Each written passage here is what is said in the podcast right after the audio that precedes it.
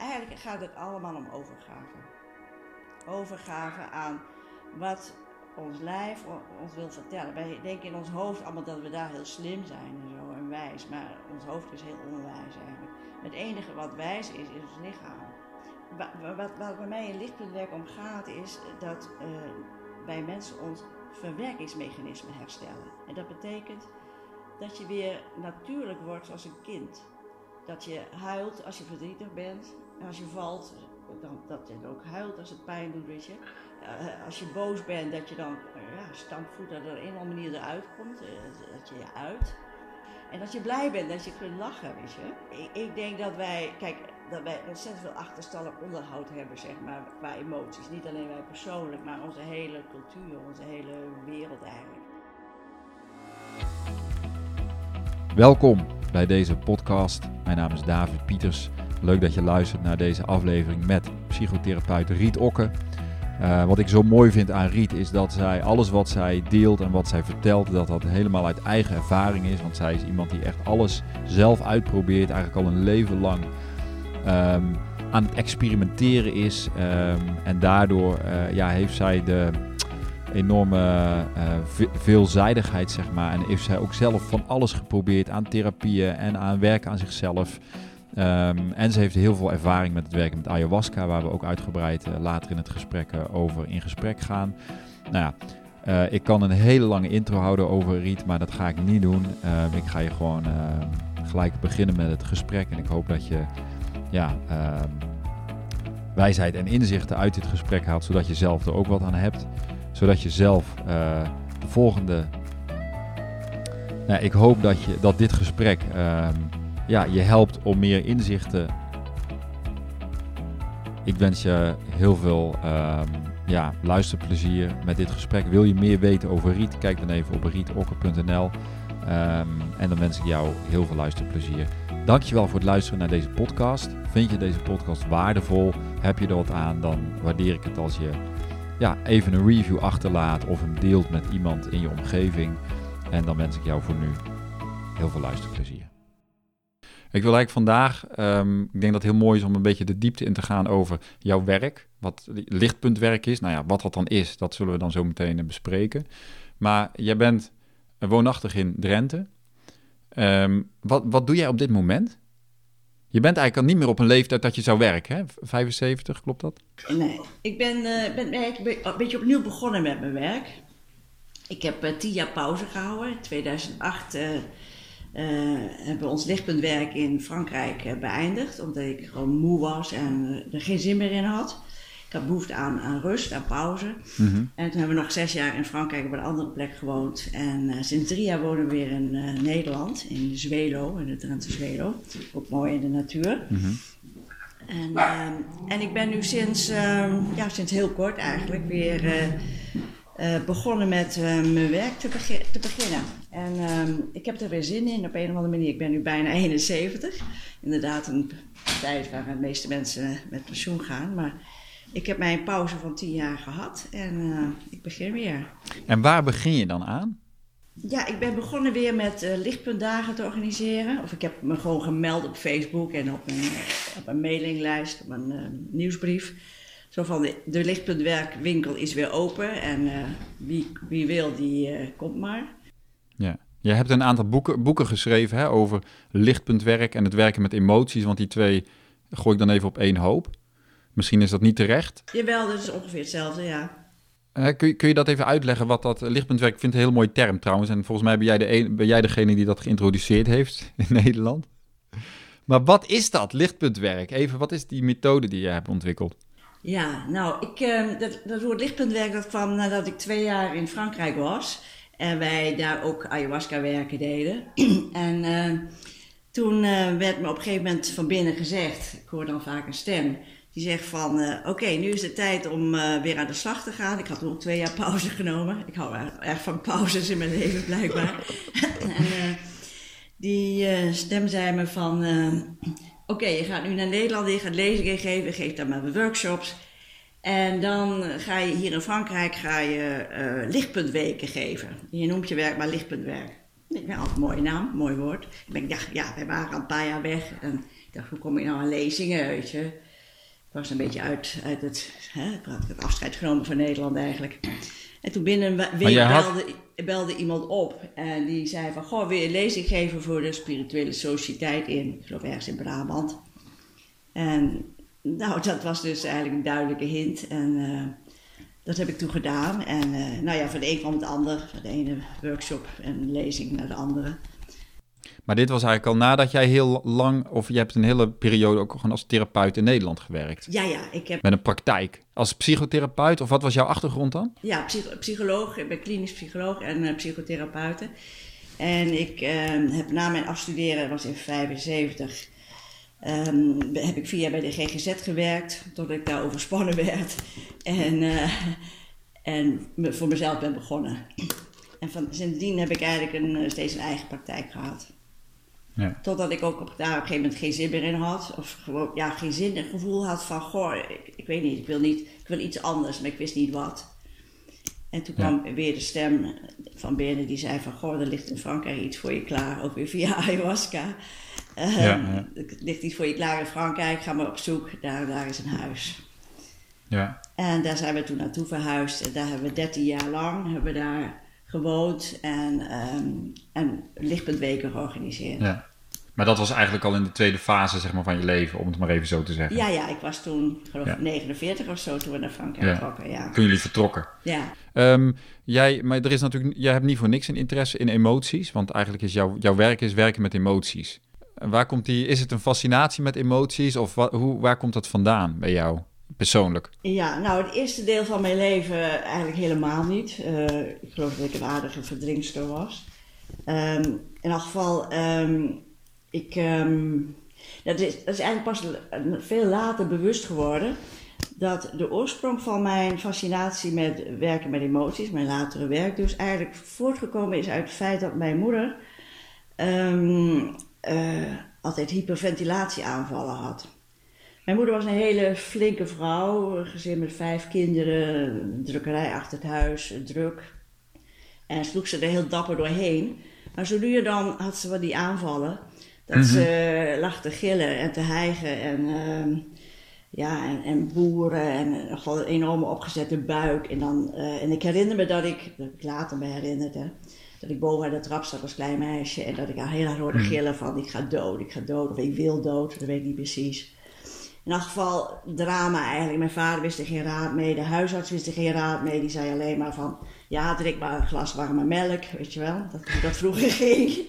ja, ongelooflijk, ongelooflijk hè. Maar goed, niemand wist wat dat was. De hyperventilatie is natuurlijk ook... Ze hadden er gewoon geen kennis over. Nee, later was het natuurlijk ook pas bekend, hyperventilatie. Dat was eigenlijk die tijd, ja, totaal niet. Goed, in elk geval, daar kwamen de emoties eruit en dan was het heel hard huilen en gillen zo door het huis heen. En nou ja, ik heb dat heel lang verdrongen. Ik ben gewoon naar school gegaan en eh, ja, eh, en op een gegeven moment eh, eh, ben ik gaan, eh, ja, op een gegeven moment ben je 18, 19, eh, van het gymnasium af en nou, wat ga je doen? Ik denk, nou, ik was wel politiek en maatschappelijk geïnteresseerd, dus ik ben sociologie gaan studeren. Oké. En toen na vier jaar in mijn studie, toen was ik aan het piano spelen en toen hoorde ik ineens een stem die zei van, eh, dat was voor het eerst dat ik dat hoorde, jij wordt psychotherapeut. Ik dacht, huh? Ik wist helemaal niet wat, eigenlijk niet wat dat was. Zo, ik was daar niet mee bezig. En hoe oud was jij toen Toen dan? was ik 23. Oké. En je was ook niet een studierichting aan het doen in die, kan, in Nee, die nee, richting op? totaal niet, totaal niet. En ik dacht van, god, dan moet ik eh, medicijnen gaan studeren. Dacht ik, psychiatrie, hè, dacht ik. En toen, eh, en ik, ja, ik had, ik had altijd moeite met bloed en dat soort dingen. En, was eigenlijk helemaal niet, helemaal niet mijn ding, medicijnen. Maar ik was, die stem was zo duidelijk dat ik bereid was om medicijnen te gaan studeren. Totdat een docent tegen mij zei van, ja, je kunt ook via psychologie doen. En toen ben ik binnen Ja. twee weken eh, ben ik, eh, geswitcht. Terwijl ik eigenlijk sociologie wel leuk vond. Dus het was helemaal. Dus die tijd daarvoor, voor mijn 23, was ik eigenlijk vrij onbewust van, van eh, emotioneel werk of, Ja. Of überhaupt. Je leefde gewoon. Ik leefde gewoon, ja, Ja. ja. vrij, Ja. vrij onbewust, eh, denk ik zo achteraf. Ja. En, ehm, maar goed, een of andere manier ehm, was die stem zo duidelijk. En ja, er opende zich pad voor mij. En toen ben ik binnen drie jaar ook afgestudeerd als psycholoog. En... Uh, Bracht jij dat op dat moment waar je naar op zoek was? Of was je niet bewust naar op zoek? Je hoort dan een stem, je denkt ik moet dit doen. Had je zoiets van ik moet dit nu doen? Ja, zo ging dat gewoon. Zo ging vrij onbewust eigenlijk. Het ging eigenlijk uh, van binnenuit, uh, ja, alsof mijn ziel sprak. En die zei, dat is jouw pad. En toen veel later, ik bedoel, waarschijnlijk was ik wel 50 of zo, werd ik me bewust van dat eigenlijk die vast, die, die, die, uh, dat ik eigenlijk mijn moeder, de, echt alles rond mijn moeder, die emoties, dat hele emotionele bom die zij was, uh, met al die verdringing die daar zat, dat ik dat eigenlijk wilde ontrafelen. Dat ik het eigenlijk voor mijn moeder gedaan heb om het allemaal te ontrafelen. En dat is eigenlijk wel zo mooi om te zien dat eigenlijk alles wat wij doen, uh, ja, gemotiveerd is ook voor een deel door neurotische dingen, zeg maar, door dit soort oude trauma's. Maar tegelijk ook um, dat het ook je levenspad kan zijn. Want ik voel echt, dit is echt mijn pad. Het is niet alleen maar omdat ik mijn moeder wilde redden. Het, was, het is echt en-en, weet je. Ja. ja, dat is wel interessant, ja, dat thema. Hoeveel doen we eigenlijk onbewust omdat we een of ander trauma of opvoeding hebben gehad of iets. En, en, en wat is daadwerkelijk ons ware, pure pad? Ik denk dat het en-en is, of en niet altijd natuurlijk, maar in mijn geval denk ik dat het echt en-en is. En, uh, uh, en, het was ook mijn motor. Uh, maar ja. uiteindelijk blijkbaar diep, diep weg, hè? dat had ik niet bewust toen. Maar ik vond het wel heel interessant toen ik psychologie ging studeren. Dus ik las alles wat los en vast was en ik was in no time klaar. Snap je? Dus het was ook echt zo van, wauw, ja, dit is mijn pad blijkbaar. Ja. Maar goed, toen was je nog niet bezig met emoties zoals je dat later bent gaan, gaan nou, doen. Nee, nou ik was wel eh, in de... Nou nee, dat is inderdaad pas in de psychologie begonnen. Dat wij met een paar docenten, een paar studenten zijn begonnen met, met gestaltherapie. Dus met een beetje emotioneel uh, snuffelen. Want dat was in die tijd helemaal not done. Dat was eigenlijk zo nieuw. Wij deden dat in een gymnastieklokaal, een beetje stiekem. Een paar docenten die dat ook helemaal niet wilden weten voor hun uh, collega's of zo. Dat was in de zestiger jaren, weet je. Okay. Dat, dat, was echt allemaal heel nieuw toen. En uh, ja. Dus ook heel fascinerend toen. Jij hebt het, um, uiteindelijk zeg jij, jij schrijft ergens van, ik lees even voor hè. Zonder de schoonmaak van onze persoonlijkheid is geen gegronde verbondenheid met ons innerlijk lichtpunt nodig. Of mogelijk. Ja. Um, en um, dat heeft eigenlijk mee te maken met dat opruimen van die oude stukken. Ja, ik, ik, denk dat wij, kijk, dat wij ontzettend veel achterstallig onderhoud hebben, zeg maar, qua emoties. Niet alleen wij persoonlijk, maar onze hele cultuur, onze hele wereld eigenlijk. Kijk, tot nu toe zijn, als je ook naar onze oude, ouders kijkt, uh, bezig geweest met, uh, ja, met kinderen krijgen, hard werken, brood op de plank. En tenminste, ik kan me niet herinneren bijvoorbeeld vroeger dat er iemand ooit maar vroeg aan mij als kind van... Goh kind, hoe voel jij je eigenlijk? of zo, weet je. Of wat vind jij nou belangrijk in je leven, weet je. Dat was, dat hoe gaat het met je? Ja, hoe, ja, nou hoe gaat het met je? Ja, dat is zo algemeen. Maar echt ja. van, van, goh, wat voel jij nou eigenlijk van binnen? Hoe, hoe, ja, wat vind jij van dingen? Ja, dat was niet aan de orde. Het was gewoon... Maar was dat, denk jij, even gewoon in zijn algemeenheid. Hè? Was dat toen ook al belangrijk. Ja, natuurlijk is het belangrijk, maar was het, het is niet voor niks blijk. Ik weet het niet. Het is nu een, een thema. Iedereen is bezig met wat voel ik, weet je wel. Ja. En dus is het blijkbaar nu heel belangrijk. Ja. Maar um, hoe zeg je dat? Is dat ook zo? Snap je mijn vraag? Ja, nou Vergeleken met, met in de jaren zestig of eerder, wat we, we moesten heel veel verdringen van die oorlog, weet je? Ja. Nou ja, voor mij geldt het nog van wel. Ik, ik denk niet dat ik een echt leuk leven ha gehad zou hebben als ik niet mijn emotionele werk gedaan zou hebben. Ja. Ik, uh, ja, dat was eigenlijk best heel veel wat ik vanuit mijn jeugd uh, verdrongen had, zeg maar. Zeg maar voor mijn 23ste jaar. En uh, ja, ik leefde mijn leven. Ik deed aan sport, de school. En, nou ja, vond ja. allemaal niet zoveel aan, maar je deed je best. En, en maar ja, ook wel ja. met al ik had heel erg besef van, goh, als ik hier doorheen ga, dan heb ik vrijheid of zo, weet je wel. Ik moet dat gymnasium met al die stomme vakken maar leren. Dan ben je klaar of zo? Dat, nou, dat... niet klaar, maar dan, dan heb ik vrijheid. Dan kan ik kiezen wat ik wil. Ja, ja, ja. Dan heb ik een basis in deze maatschappij, weet je. Dus daar heb ik me echt weer doorgezet. En dat vond ik eigenlijk de meest vervelende tijd van mijn leven eigenlijk. En, want je, je moet zoveel stomme dingen leren die, die, waar ik helemaal niks mee had. En als ik dan ook zei van ja, maar uh, ja, scheikunde, weet je, daar had ik helemaal niks mee. En dan zei ja, dat moet toch, weet je. Nou ja, Ja. zo gaat het toch vaak in mensenleven. Je, moet, je wordt Ja. volgepropt met allerlei dingen en ja, wat, wat, wat is nou eigenlijk je eigenlijke pad, weet je? Wat, wat, wat, wat vind Ja. jij belangrijk van binnen?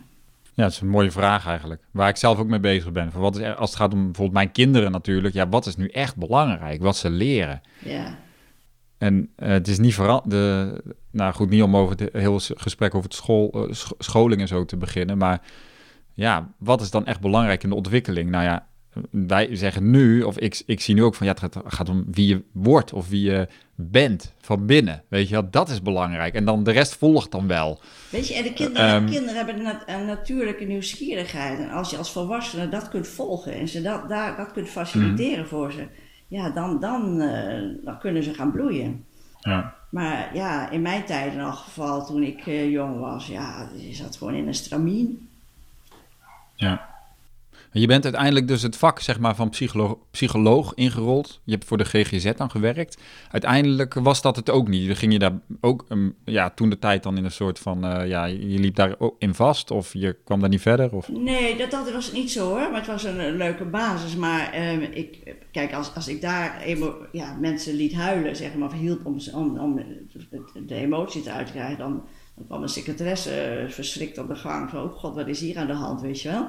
Het moest allemaal een beetje dik gedimd zijn, een beetje vooral gesprekken, gewoon veel praten. Ja. En ehm, het emotionele, kijk, wa- wa- wat, wat bij mij in lichtpuntwerk om gaat, is dat eh, wij mensen ons verwerkingsmechanisme herstellen. En dat betekent dat je weer natuurlijk wordt zoals een kind. Dat je huilt als je verdrietig bent. En als je valt, dan, dat je ook huilt als het pijn doet, weet je. Mhm. Eh, als je boos bent, dat je dan eh, ja, stampvoet er op een of andere manier eruit komt. eh, dat je je uit. En als je bang bent, dat je ja, of, of troost zoekt of steun zoekt. Of, of dat die emoties, die angst, dat, dat je die eruit hijgt op een of andere manier. Hmm. En dat je blij bent dat je kunt lachen, weet je. Maar meestal kunnen mensen niet echt meer lachen, niet echt lachen. Omdat er heel veel verdriet onder zit, weet je. En dat was het mooiste in onze lichtpuntweken destijds. Nou, er is niet meer gelachen dan in, in dergelijke weken. Gewoon omdat ja, mensen ook heel diep gewoon huilen, matten klopperen, weet je. Al die emoties kwamen eruit. En daar hadden we ook ontzettend veel lol in met elkaar. Ja, want lichtpuntwerk, even wat jij nu schetst, ik wil er wat dieper op in. Je zegt eigenlijk van wat we normaal aan een kind toedicht. Een kind mag dan, nou, laten we zeggen dat een kind nog wel mag maar huilen. Maar een kind mag zijn emoties nog uiten aan zich. Ja, Hè? En naarmate we ouder worden, zeggen we eigenlijk van nou, nou nu is het wel oké, weet je wel. Je bent nu een beetje ouder, nu moeten die emoties allemaal dicht eigenlijk. En jij zegt, of die moeten binnenskamers soort van gehouden worden, ja. maatschappelijk gezien. Maar jij zegt eigenlijk van nou, al die, alles wat je voelt moet er gewoon kunnen zijn. Of dan moet je op een bepaalde manier een kanaal naar buiten.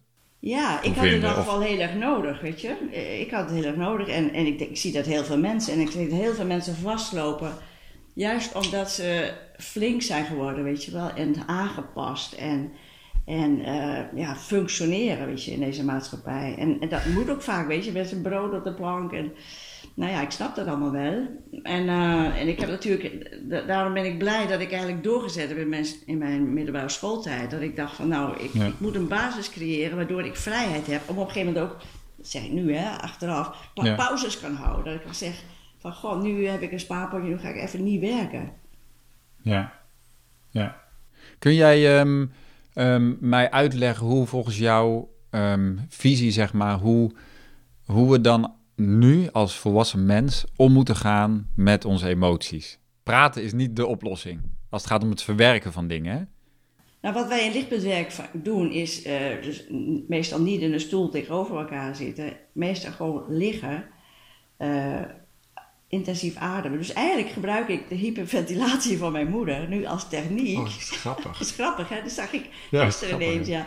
Dat ik de hyperventilatie van mijn moeder gebruik, om, of de, die methode, om juist bij emoties te komen. Dus als, mijn moeder, als, ik, als ik mijn moeder destijds had kunnen helpen, dan had ik haar geleerd om door te ademen, door te ademen, totdat die emoties los zouden komen. Ja, ja. Dus ah, volgens jou, je, schrijft het ook, dat ademwerk is dus cruciaal om eigenlijk die emoties eh, los te laten komen. Dat gaat veel makkelijker, ja. Door, als je intensief ademt, dan, dan komt er meer zuurstof in je lichaam. En mijn ervaring is dan dat, eh, dat mensen makkelijk eh, die emoties komen. En als de emoties komen, dan, wordt, dan krijgen mensen meestal ook beelden erbij. Dan wordt het helder waar het om gaat. Vroeger was het altijd als je huilde, Ja. van waarom huil je? Meestal weet een kind dat ook niet, weet je. Maar als je een kind door laat huilen, dan komt hij bij een verhaal. Dan weet hij van, oh, maar ik, hè, Jantje, Pietje of de juffrouw deed zo lelijk tegen mij, weet je. Mhm. Dus Ja. e- eerst gewoon het lichaamswerken, ademen, ademen. En dan doen, doen wij meestal muziek erbij. Dat helpt ook wel vaak, weet je. Wat opladen, de muziek. En ehm, ehm, ja, en dan al heel gauw eigenlijk komen mensen bij verdriet of, eh, of bij woede of bij Mhm. angst, weet je. Ja. En, ehm, en dan ontvouwt het verhaal wat erachter zit zich meestal vanzelf. Het lichaam, Ja. of, of ineens gaat, gaat bijvoorbeeld het been van iemand trillen of zo. Of die heeft, maakt een beetje zo beweging. Nou, oké, dan zeg ik, wat wil het been zeggen?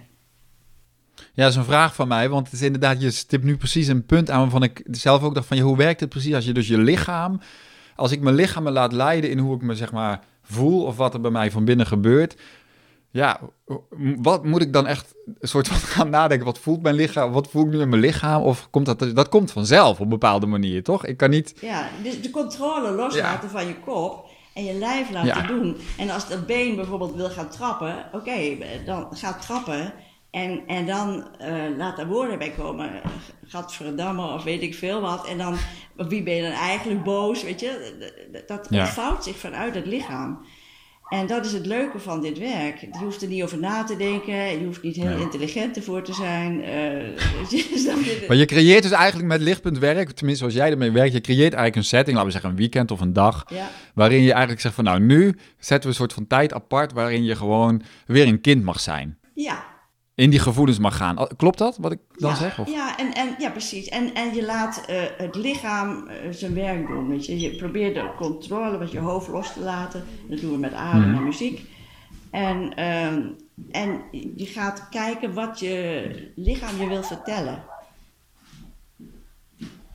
Hoe, hoe kun je dat zelf doen? Hoe kan, hoe, hoe kan ik dat zelf doen? Of een, Ja, dat kan je zelf doen. Ik daarom, eh, weet je, eh, voor mij is lichtwerk niet alleen een therapie, weet je. Dat is het begin. En daarna eigenlijk is het, gaat het erom dat je het zelf kunt doen, dagelijks bijna.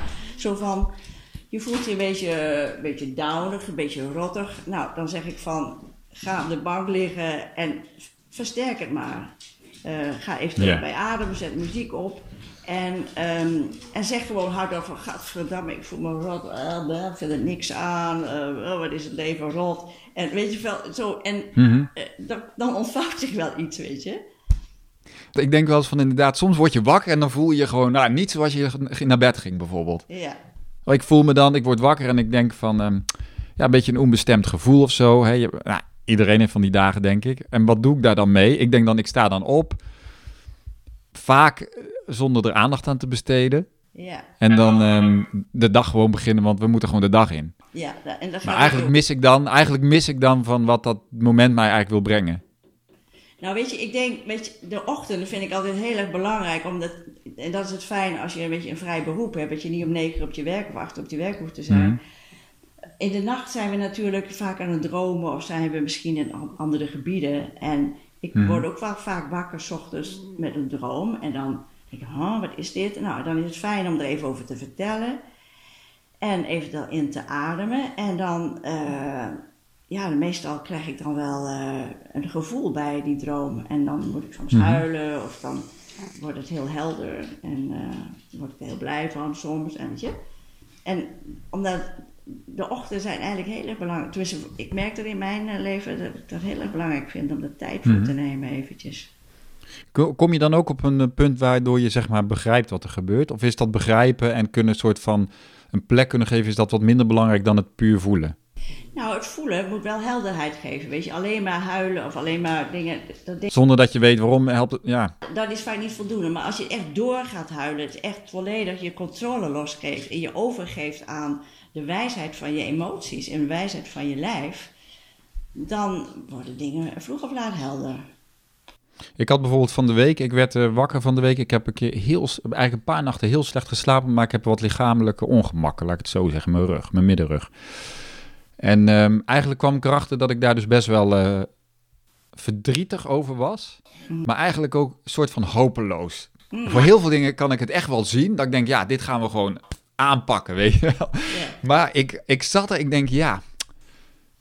Het voelde een beetje alsof ik gewoon de macht, de macht kwijt was over mijn lijf. En dat voelde heel vervelend. En toen ehm, uiteindelijk zei Trientje, want die helpt mij dan, die zegt dan van, goh, misschien moet je daar eens even bij blijven. ja, precies. Want kijk, En toen dacht ik, ja, want je hebt het over macht, hè? Macht over Ja. jezelf, hè? Over, je, over je lijf. En we hebben eigenlijk helemaal geen macht, hè? En, ehm, eh, en, en blijkbaar is die rug, daar zit, is iets kwetsbaars zit daar, hè? Blijkbaar.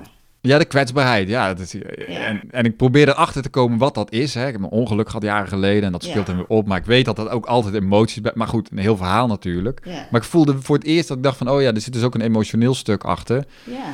Ja, ja wat, het is een voorbeeld hè, van ja, wat, hoe ga je dat dan... Wat, hoe kan je dat extra ruimte geven, zeg maar, in je leven? Nou ja, kijk, als je, als je zegt ik heb een ongeluk gehad, weet je, dat is natuurlijk ook voor jouw rug, voor dat stuk heel verdrietig, weet je. En, eh, daar ligt, dat, en je krijgt niet voor niks daar een ongeluk, denk ik. Dus daar, daar Mhm. zit, zit al een, een kwetsbare Daar zit een heel verhaal omheen, ja. Waarschijnlijk. Nou ja, Ja. dus daarbij inademen en daarin zakken eigenlijk. Hè. Eigenlijk gaat het allemaal om overgave. Overgave Mhm. aan wat ons lijf ons wil vertellen. Wij denken in ons hoofd allemaal dat we daar heel slim zijn en zo en wijs. Maar ons hoofd is heel onwijs eigenlijk. Maar het enige wat wijs is, is ons lichaam. Die vertelt ons Mhm. wat waar is in ons. En de rest is allemaal fake nieuws vaak. Mhm. Kun, je dat, kun, kun je daar wat meer over zeggen, over eh, jouw conclusie van het is allemaal overgave? Ik vind het mooi, namelijk. Ja, wat, is, wat kan ik erover zeggen? Ja. Overgave dus in de zin van er, er, er is iets wat speelt in mijn leven, wat, whatever het mag zijn. Ehm, en eigenlijk de uitnodiging is altijd ons over te geven aan het moment. Ja, wij denken dat we macht hebben, maar we zijn natuurlijk heel onmachtig eigenlijk, weet je. Als morgen de zon niet meer opkomt, zijn we dood, weet je. Eh, we hebben natuurlijk leven niet echt in onze eigen hand. We kunnen zelf een heleboel doen, maar wezenlijk zijn we onmachtig. En wij, wij, wij omdat we in, in een, in een, op deze planeet in een soort survival modus zitten, denken we allemaal dat we het allemaal wel kunnen runnen. Maar je ziet nu, Mhm. eh, als je het weer op het wereldtoneel kijkt, je ziet gewoon dat alles ons over het hoofd groeit momenteel. Weet je, het kan niet meer ge- gehandeld worden. We, hebben, we zitten aan het toppunt van onze mo- mogelijkheid om, om de wereld te handelen. Om, om, om ja, de economie, finan- niemand snapt dat, weet je, hoe dat in elkaar zit eigenlijk. Als je economen vraagt van hoe kan het in 200 2008 ineens op de rand van de afgrond stonden, weet je. Mhm. We hebben het niet meer in onze macht. En dat is eigenlijk ook een leerproces van dat we eigenlijk het leven niet in onze handen hebben.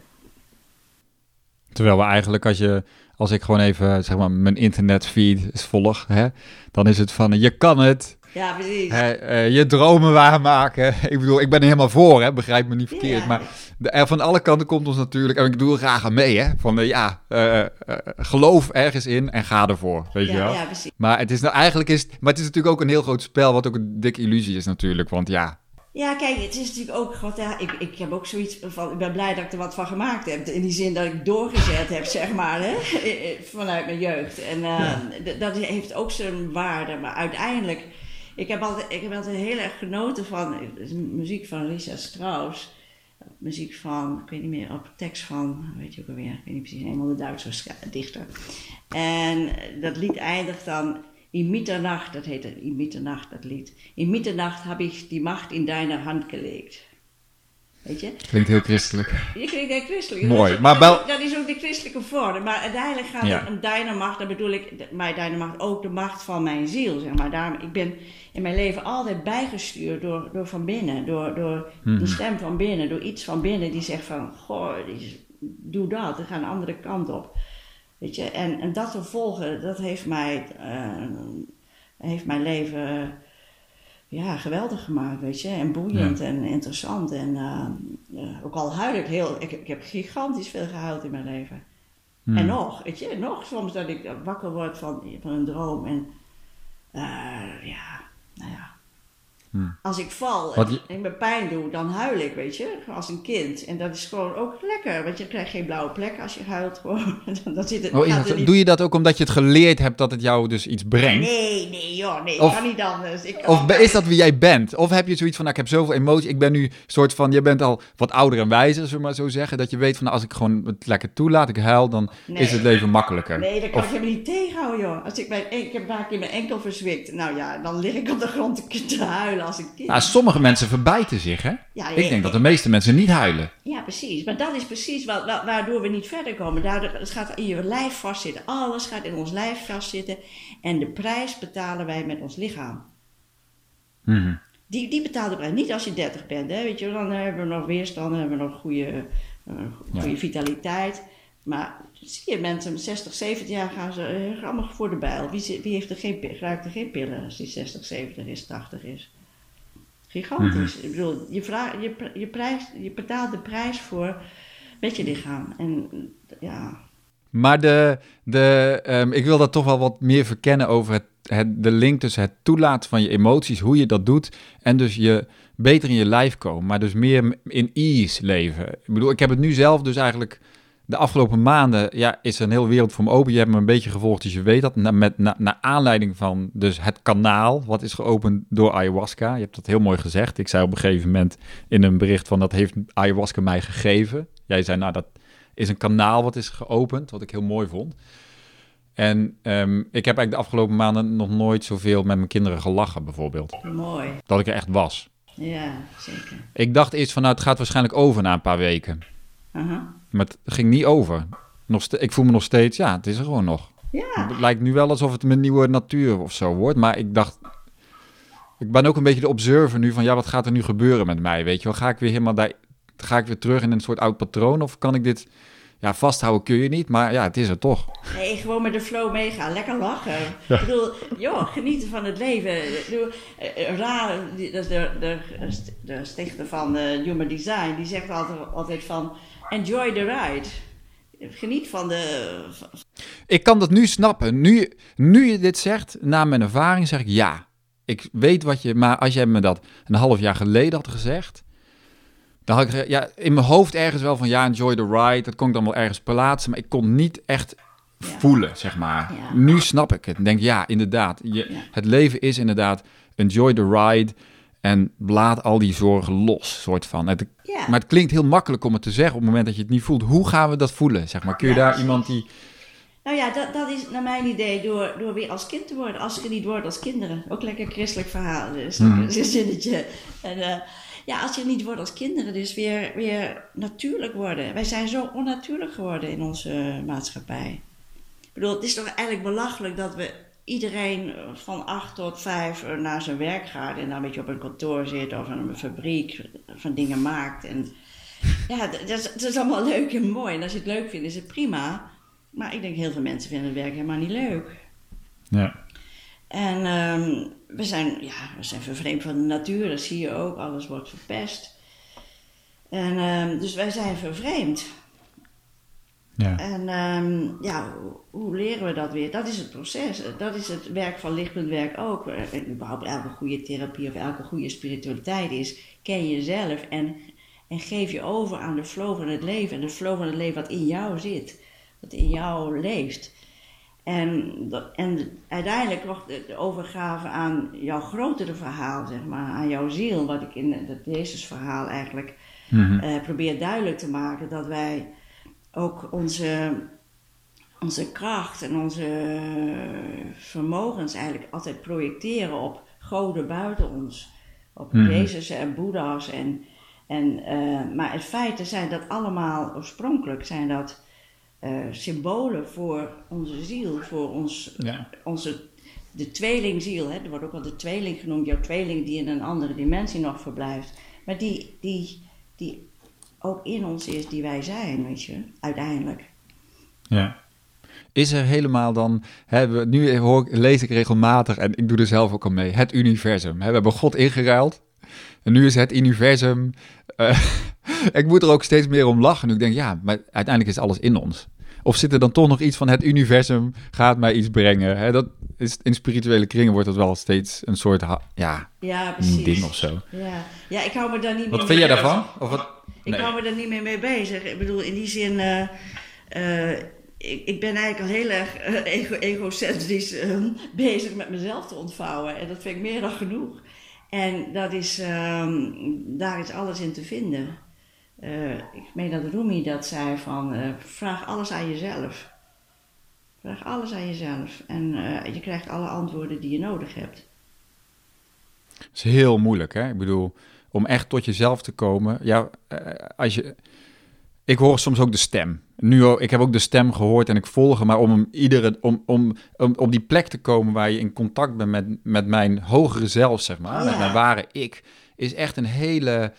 Um, het is niet zo makkelijk, zeg maar. En ik denk voor, um, en dat is ook helemaal oké, maar um, we willen dat allemaal heel graag. Ja, kijk, we zijn. Die contact met onszelf. Ja, hè? ja zeker. Maar, maar het is, we zijn natuurlijk heel erg uh, beperkt geraakt, hè? Wij zijn heel erg beperkt. Wij zitten in dit voertuig, in dit lijf, wat door de eeuwen heen uh, ja, gericht is geweest op survival. En, en ook die survival van die voorouders van ons, van al, die, van al die eeuwen voor ons, dat zit allemaal in ons. Dat zit genetisch of pseudogenetisch in ons. Mm -hmm. En um, het, het, is, ja, het is opruimwerk, naar mijn idee. Dus de, de, mm -hmm. de stoflagen van jezelf afschrapen en dan gaan beseffen en, en steeds stap voor stap. Dus voor mij ook niet in één keer, stap voor stap voelen van wie je eigenlijk bent. En, um, wie is de mens? wie is de mens? Ja, dat is de grote vraag. ja, wij zijn uh, één schepseltje naast de dieren. En uh, alleen wij hebben zelfbewustzijn. En de dieren niet. Maar het is allemaal hetzelfde ene bewustzijn. Die in de vorm steeds in en uit gaat. Ik heb laatst een, een mooi ayahuasca-werk gehad waarin ik contact had met een, met een soort vertegenwoordiger van de krokodillen. Nou ja, hoe kom ik erbij? Maar ik had dat een paar dagen ervoor erover gedroomd, dat ik over, over een krokodil, die mij zei dat, dat hij ondersteuning nodig had. Dat hij in een plas water was die te, te weinig water had. Ik denk, nou, hmm. vreemde droom, ik kon er niks mee. Vreemd, ja. Ja, en toen een paar dagen, ja, ik heb niks met krokodillen op zich, ik had er ook nooit aan gedacht. En um, een paar dagen later deed ik een, bij de Santo Daime-kerk in Amsterdam een, een, een, een duimenwerk. Met ayahuasca dus. Ayahuasca, ja. En uh, toen ontmoette ik die soort ja, engel of vertegenwoordigster, was een vrouw van de, van, van de, van de krokodillen. En die mij vertelde dat, dat de krokodillen um, de oudste, bij een van de oudste diersoorten op aarde is. Nog ouder dan de dinosaurussen. En um, dat zij drager zijn van het bewustzijn. En dat uh, voor hun ook, en zo denk ik voor heel veel dieren, alle dieren, dat het bewustzijn in en uit gaat. Dus je, het lichaam, het, het, voertuig sterft en dan komt weer in. En wij maken daar geen drama van, zei, zei ze. Jullie mensen maken daar drama van, omdat jullie zelfbewustzijn hebben. Maar wij, het gaat uiteindelijk om dat pure bewustzijn, wat jullie ook zijn als mens. En mm. dus het was een soort inwijding in, in dat pure bewustzijn. Wat dat ook voor mij betekent, dat weet ik nog niet precies. Maar ik voelde het wel. Het ging helemaal door mijn lijf heen. Ik moest ook heel erg huilen om die krokodillen. Wat er weer met hun gebeurd is, weet je. Maar zo is alles met alles verbonden. En um, waarom vertelde ik dat van die krokodillen? Nou, ik vroeg wie, ben, wie is de mens? Oh ja, nou ja, wij zijn uiteindelijk bewustzijn. Ja, dat, dat is dan... Uh, en wij zitten in een voertuig die vrij beperkt is. En dat maakt ook ons pad best lastig. Ja. Ja, of, het, ja. of kijk, wij zijn een lichtpunt van het grote licht of van het grote bewustzijn. Hè? Maar dat grote bewustzijn, dat zijn wij ook. Dat is in ons, maar dat zijn wij ook. Alleen, ja, dat zijn we totaal vergeten natuurlijk. En wij zijn, we hebben zo geleerd dat naar buiten te projecteren. Hè? Ik bedoel, Jezus als de mensenzoon. Maar de mensenzoon was in feite een, een symbool van een, een, heel verhaal over die, die innerlijke, dat innerlijke zelf. Dat innerlijke bewustzijn ja. wat wij zijn. En, en, en hè, je hebt ook als metgezel, de, de, de innerlijke metgezel. Hè, Roland Holst heeft daar heel mooi over geschreven. En, en uh, nou ja, al die gnostici ook, weet je, die, die eigenlijk mm-hmm. vooraf gingen aan het christendom. En uh, alleen het christendom heeft het gehistoriseerd in een, in een verhaal van een mens die gekruisigd is. Terwijl het in feite ging om, om de zon die gekruisigd werd, weet je, de grote, grote, het grote geheel werd gekruisigd. Wij, wij zijn gepaald, vierkant op Ja. deze aarde. In, on- in deze beperking. En blijkbaar heeft dat een zin. Ik weet ook niet hoe dat, ik weet niet hoe dat zit, maar het, het is zo in elk geval. Kun jij, kun jij het werk van emotie, het emotiewerk ergens plaatsen in het tussen van jouw ziel of jouw lichtpunt wat in een lichaam zit? Ja. Het, de, het bewustzijn wat nu David zich manifesteert als David of als Riet of wie dan ook, maar wat dus die emotionele verwerking zeg maar moet doen en wat dus allerlei lagen toch moet afpellen terwijl we, als we, terwijl we hier ook weer uitgaan als bewustzijn.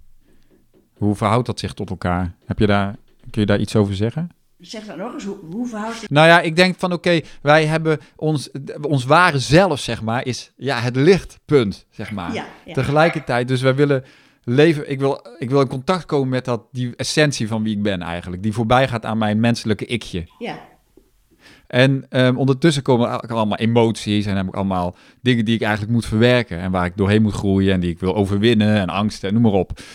Ehm, dus die twee gaan blijkbaar een soort van parallel in mijn aardse reis. ja zeker. zeker. Eh, Voor mij, zijn, ja, voor mij zijn, zijn die- dat, is het emotionele afpelwerk, zeg maar, of verwerking. Kijk, de een doet het verwerkt op een andere manier. Ik, ik, ik, Mhm. heb- ik ben een schorpioen Amsterdam, dus ik, mijn werk is, mijn pad is emotionele verwerking. Er zijn ook mensen die het meer met een, ja, op een andere manier doen, of via, weet ik veel, heel lijfelijk misschien. Ik, ik weet niet, er zijn andere wegen. Ja. Ehm, maar uiteindelijk gaat het om, om schoon te worden van oud zeer, van, van alles wat aangekoekt is op deze aar- aarde. En van jouw verleden.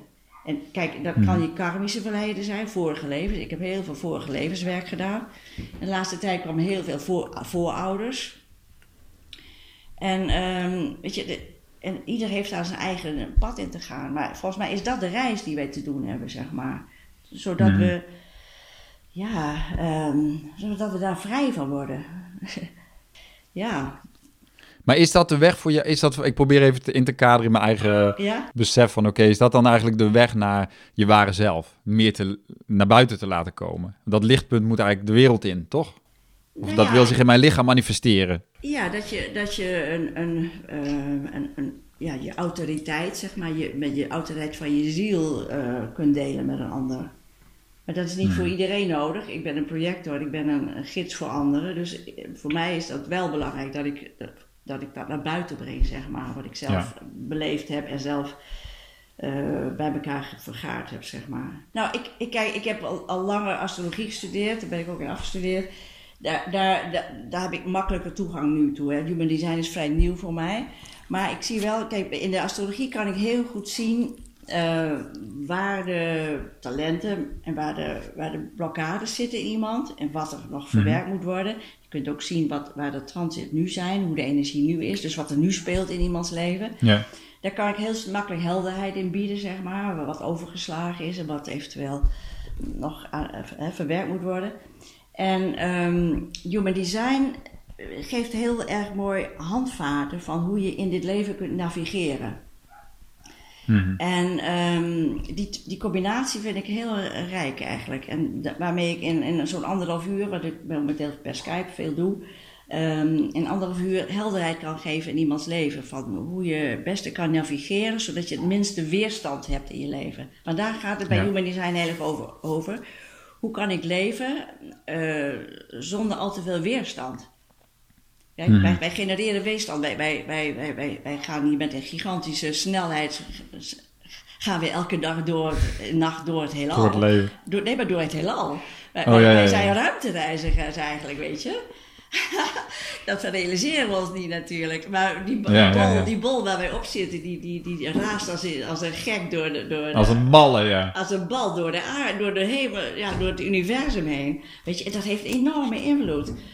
Dus eh, wij worden heel erg eh, bepaald door, door die krachten. Weet je, ik heb de laatste tijd, de laatste paar jaar nog, eh, gaat Pluto over mijn zon heen. En Pluto, dat, die staat voor transformatie, voor de waarheid, jezelf opnieuw uitvinden. Eh, nou ja, hele intense energie is dat. Die planeet die heel langzaam loopt. Zit momenteel voor de derde keer op mijn, eh, op mijn zon. En de zon staat voor mijn identiteit, voor mijn ziel, voor mijn vitaliteit. En uh, dat is een gigantisch proces. En momenteel waar ik doorheen gegaan ben. Ik ben nu, Mhm. het is ook empowerment, het is ook uh, in mijn kracht weer komen. Ja. En uh, het is heel fijn als je dat weet. Als je het niet weet, denk je, mijn god, dat overkomt mij, weet je.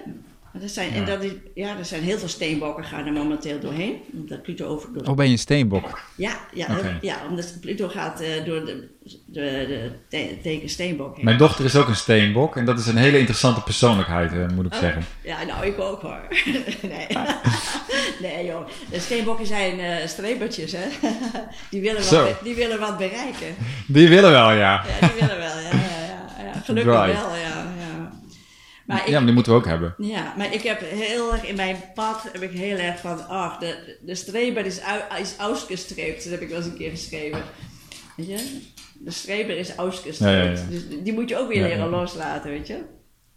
Ja, ook dat is een proces, ja. Ja, Wat je toe moet laten. Ja. Weet je, en als je enjoy the ride, als je daarvan kunt genieten van dat pad, ook van als je moet huilen of ook als je, als je een kutdag hebt, zeg maar, dat je dan denkt, nou oké, dat hoort er ook bij, weet je. Ik vond zo leuk, zo'n mooie tekst van Ra laatst van, denk jij dat, dat in deze Maya, in, deze, eh, in dit ondermaanse, dat je de hele dag gelukkig kan zijn, elke dag gelukkig kan zijn? Ben je hartstikke gek, zegt hij.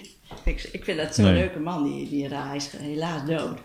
Ja, dat is de, de, de bedenker eigenlijk, de bedenker van de human design. Ja, want die luchtigheid, ik zie dat ook bij jou. Hè? Jij bent ook heel, ehm, ja, gewoon, ehm, ehm, je- eh, ik zal niet zeggen met een korrel zout, maar je hebt wel een bepaalde lichtheid. Terwijl het vaak om, eh, emotiewerk is vaak ook heftig. Hè? Ik bedoel, eh, Ja. als mensen met trauma's te maken hebben, dat kan er echt wel heftig aan toegaan. En dat is ook een soort van een serieuze zaak. Ik weet niet hoe, hoe- maar jij weet dat toch op een heel mooie manier. Jij hebt toch die lichtheid erin, voor jezelf in ieder geval. Ja. En waar, waar, waar wijd je dat aan? Is dat een manier van, zijn wij gewoon zwaarmoedig in onze Calvinistische wereld? Of wat Ja. is dat met ons? Ja, ik, ik denk wel dat we al ontzettend serieus zijn geworden en onszelf geleerd hebben serieus te nemen, weet je.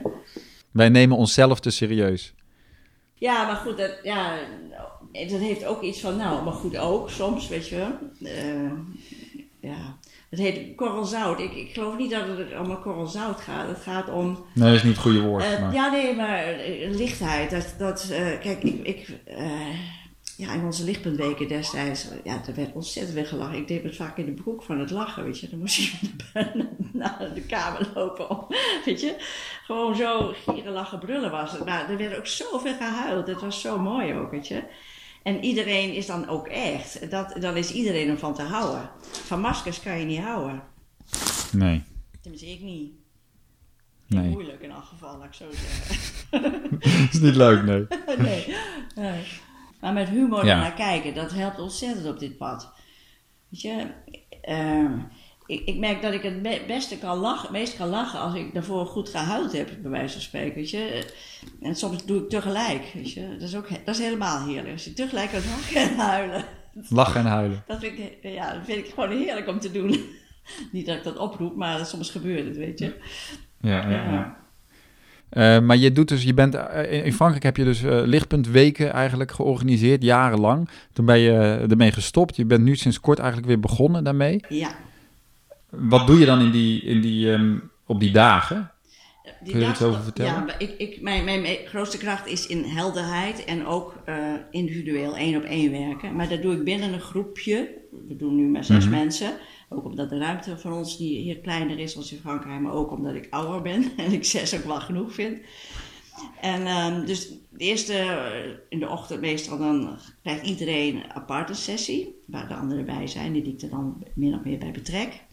Mhm. En die dan zichzelf kunnen herkennen, weet je. Maar uiteindelijk gaat het allemaal om dezelfde dingen, weet je. Liefde, haat, eh, angst, eh, allemaal. Eigenlijk, eigenlijk hè, zitten allemaal op hetzelfde pad natuurlijk, met heel veel variatie. Wat Noem eens even de, over, wat noemen ze even de dingen die, dan, die eigenlijk de kernpunten dan zijn voor iedereen? Want ik wil graag de luisteraar dat hij er ook wat aan Dat hij denkt van, oh ja, hier kan ik wat mee. Aha. Je bedoelt voorbeelden of... eh, Nou ja, dingen waar wij mensen mee zitten, zeg maar. ja, nou Waar ja. we doorheen moeten gaan. Iedereen heeft bepaalde angst, is dat denk ik gewoon universeel. Ja, nou dat bedoel ik. En, en iedereen heeft daar zijn eigen variant in, zijn eigen geschiedenis in. En die probeer ik op te delven en die eh, te verwerken. En, ehm en smiddags gaan we dan een eh, ademsessie doen, eh, twee aan twee of alles zes tegelijk. Moet even zo nu, dan wisselt dat. En eh, dan gaan we dus een uur lang, anderhalf uur, intensief ademen en laten komen wat er komt. Met muziek, intensieve muziek. Hmm. Waardoor dat wat we die ochtend gedaan hebben, individueel nog wat verder verdiept kan worden en uitgebreid en zo. Dat je. En wat komt er dan? Wat zie je dan gebeuren? Oh, dan zie ik heel veel emoties loskomen. Mensen uh, trappen, gaan mensen matten klopperen, gaan mensen huilen, en soms ook heel erg lachen. Dus uh, het is ook verdrongen lol, hè? Die, die bestaat ook, hè? Ja, 100% ja. Ja. wat zou jou, wat, wat, ik, wat ik, dat schiet me nu te binnen. Kijk, jij bent al, goh, um, de 70 gepasseerd. Je hebt al heel veel meegemaakt in je leven. Je bent ook in een andere fase van je leven. Maar wat zou jouw boodschap zijn aan mensen die wat meer aan het begin staan? Twintigers, dertigers, die zeggen, die eigenlijk... Ja, oeh. Um, ja, het eerste wat in mij opkwam, drop out. drop out. ja, drop out uit het, het, het systeem, uit je eigen systeem vooral uit je eigen vastigheid. En, uh, en, als je dat alleen niet lukt, zoek daar zo snel mogelijk hulp bij. Doe iets, iets waarbij je gekke dingen kunt doen en je, je oorspronkelijkheid terug kunt vinden, je kind kunt terugvinden. En laat je kind aan het woord. Weet je, wat, wat, wat, wat is je droom als kind? Wat, wat, wat had je graag willen, zou willen? En als je niet wist, ja, weet je, wat zou je nu willen, weet je, als kind? En, uh, en volg dat, doe gewoon gek, weet je. Dit systeem dondert toch in elkaar, dit, dit dolgedraaide systeem momenteel waar we in leven. Dat draait, dat draait zich dol. Dus uh, verwacht niet dat je nog uh, in de reguliere sector veel werk zal vinden, denk ik, over tien jaar. Dan is dat er allemaal niet meer, denk ik. En je moet gewoon je eigen pad gaan vinden en je eigen survival en je eigen, je eigen vreugde, je eigen, ja, je eigen pad, je eigen wijze pad. En dat is gewoon, ja, graven in jezelf ook. Hè? Dat is, uh, maar soms is het ook zoals jij gedaan hebt. Gewoon eruit stappen en gewoon iets heel geks gaan doen. Weet je? Gewoon in, in Nieuw-Zeeland of Bali gaan zitten. En kijken wat dat je brengt, weet je. Kijken wat, ja, nee, dat is het ook. Ja. ja. En natuurlijk, dan zeggen mensen, ja natuurlijk, je moet geld op de plank. En mensen hebben weer kinderen en die hebben een hypotheek op een huis. Ja, dat is ook allemaal waar. Dat is best lastig. We hebben ons vastgezet in, in een systeem.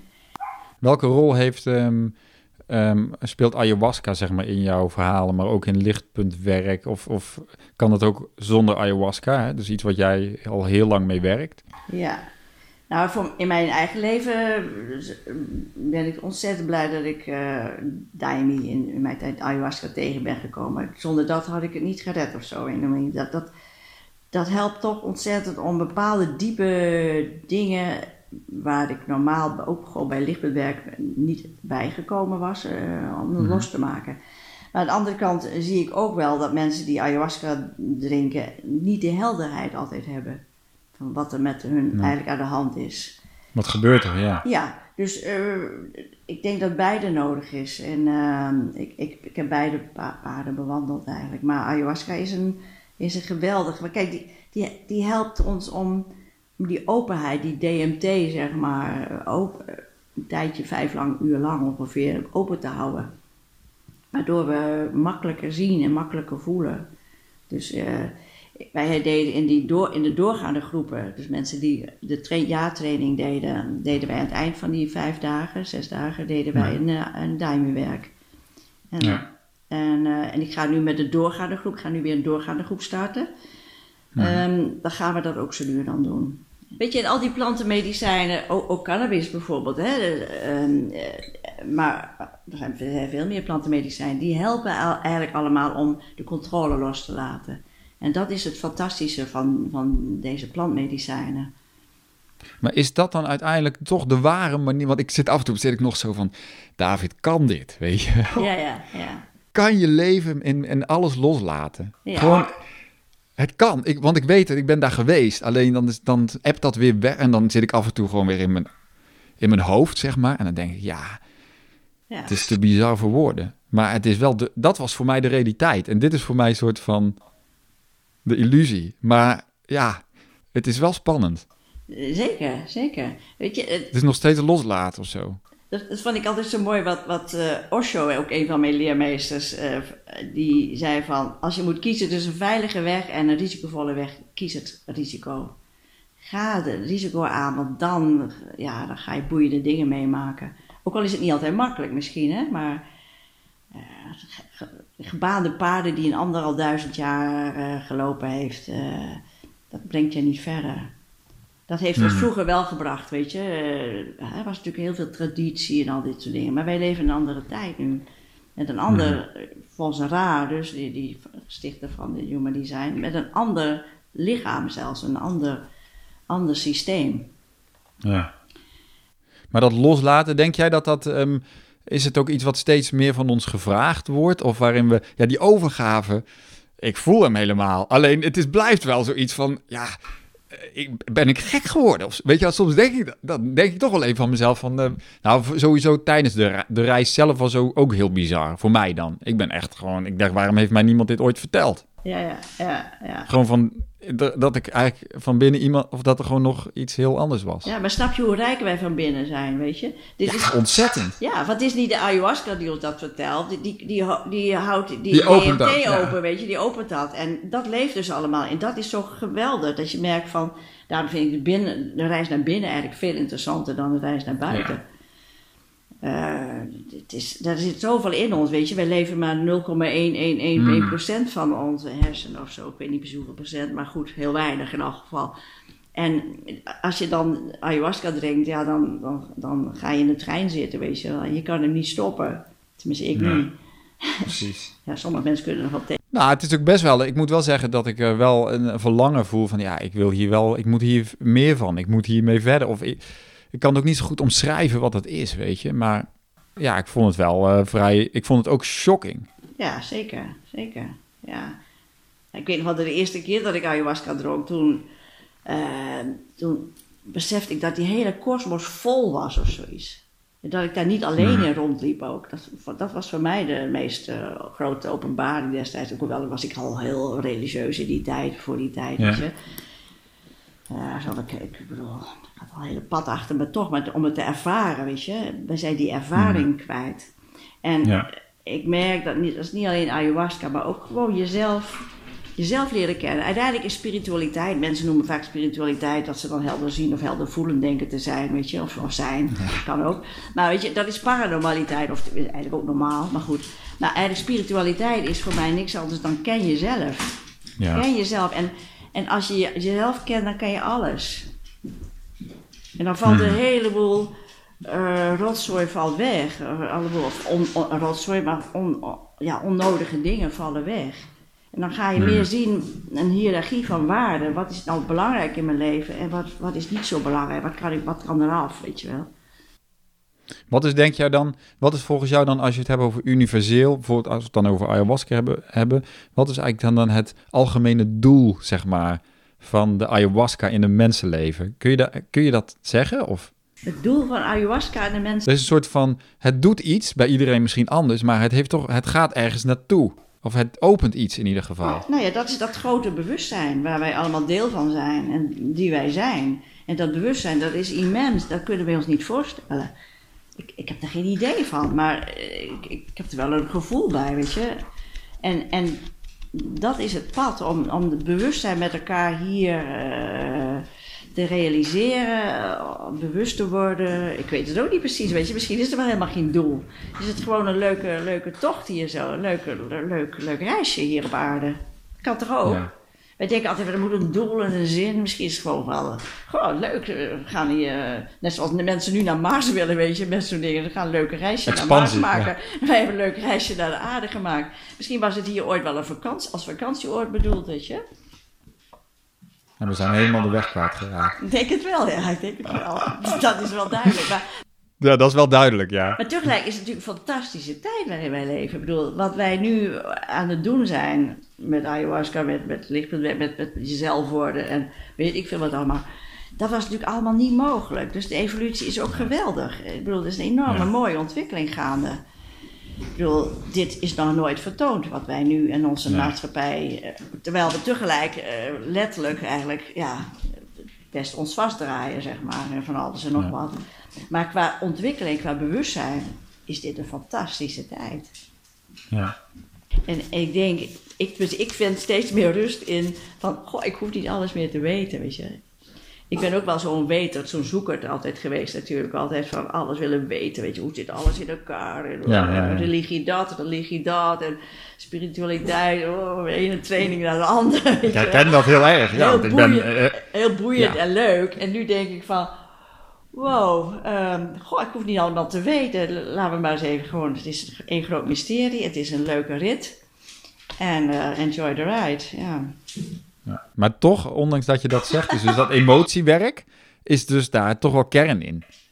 Want dat doe je niet voor niks. Ja, nee, ik, voor mij is dat de kern. Ik bedoel, ik zeg niet dat het de kern is, maar voor mij is dat de kern. En degene die dat ook zo voelt, die is welkom bij mij om met me te werken.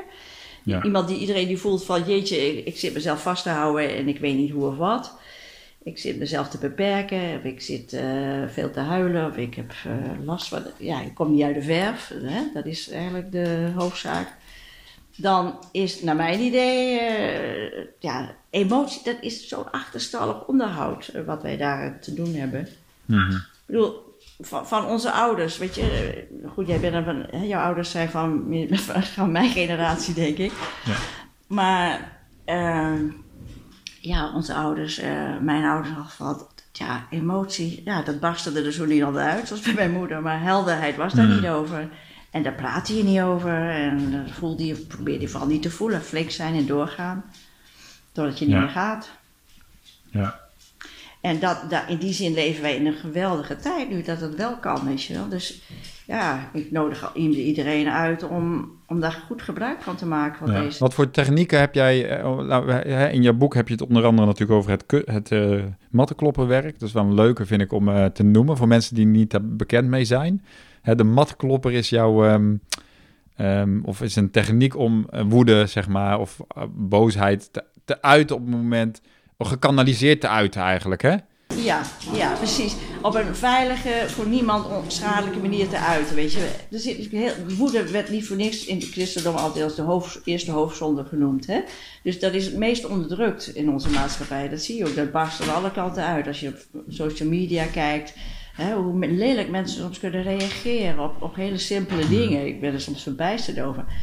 En ehm, weet je, da- dan, eh, dus woede is, is iets wat ja, ook in heel veel therapieën not done is, weet je wel. Er moet gelijk getransformeerd worden of eh, ver- gesublimeerd worden tot weet ik veel wat. Maar eh, dat kind, het gaat erom, het kind in ons is meestal boos. En ehm, eh, dat- die, die kinder, oorspronkelijke kinderwoede, die moet eruit eigenlijk. Het is meestal niet volwassen woede die er is. Ook wel eens, weet je. Maar daarachter, achter die volwassen woede, Ja. zit vaak kinderwoede. Ja. Want wij, wij, weet je, ik, was, ik ben klein en zij zijn groot. Zo zijn we allemaal, eh, ja, Ja, toch? Calimero-syndroom. Dus jij, als kind kun je niet tegen die ouders op. En, en dan, als die kerk ook nog achter die ouders staat en de school, weet je. Dan, dan heb, heb je daar een massief blok tegenover je als kind. Waar je alleen maar Ja. eh, inwendig tegen kunt vloeken.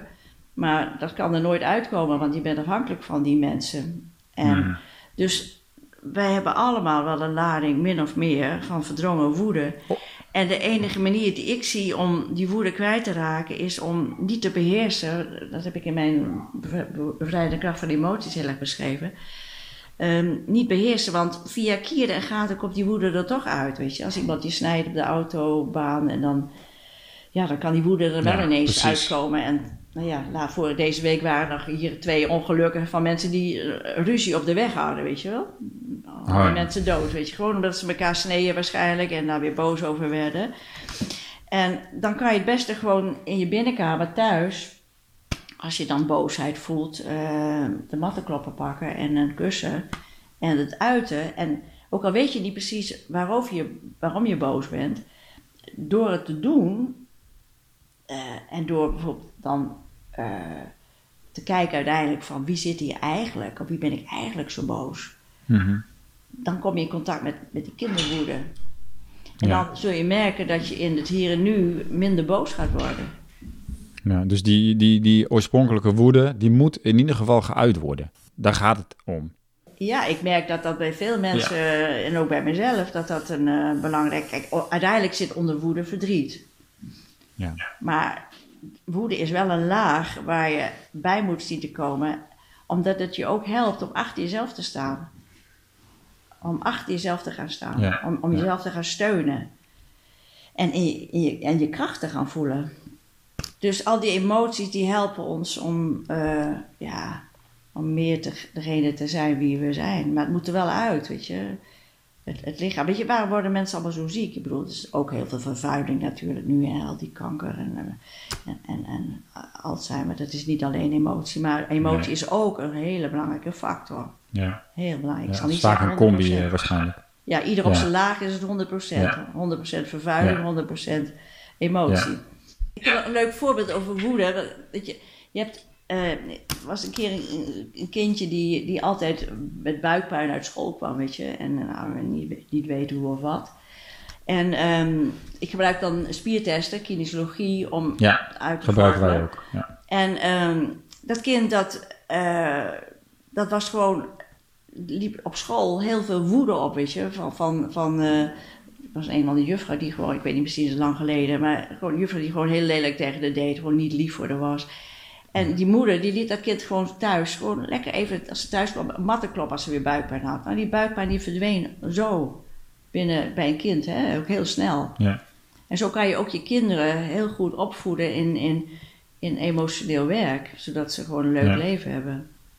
ja, dus die emotie gewoon uiten uiteindelijk. Ja, expressie. Ja. Op een veilige expressie manier. ervan. En niet tegen elkaar, weet je. Precies. Ja, nee, dat, Ik heb een dochter, die steenbok, zeg maar. Ja, die kan echt... eh, maar die kan het nu ook zeggen. Ik ben zo boos, zegt ze dan. oké. Maar nu, als ze dan weer heel boos wordt, dan kijk ik heel boos naar haar. Dan, dan speel ik dus het spel mee. En dan begint ze al vrij snel weer te lachen. Dat vind ik dan wel leuk, hoe dat dan Ja, nu of, of gaat. je gaat met een box of zo, je geeft dan een boksbal of, of Maar wat helemaal wel echt verrassend is, is dat ze nu, nu we dus een aantal maanden zeg maar niet meer naar die school gaan, dat ja, al die woede aanvallen en die huilbuien, ja, die zijn dus inmiddels gewoon over. ja, moet je nagaan. Omdat de druk van de ketel is. Ja. Nou ja, goed. Ja, je, hoeft, je moet Dat is als een kind ook observatie dan. zoveel. Je moet als kind ook zoveel tegenwoordig. Op de kleuterschool moet je al gewoon testen doen, geloof ik. Ik bedoel, dat is niet normaal. Klopt. Niet normaal. Ja. Ja. Ehm, ja, even kijken over die emoties. Hè?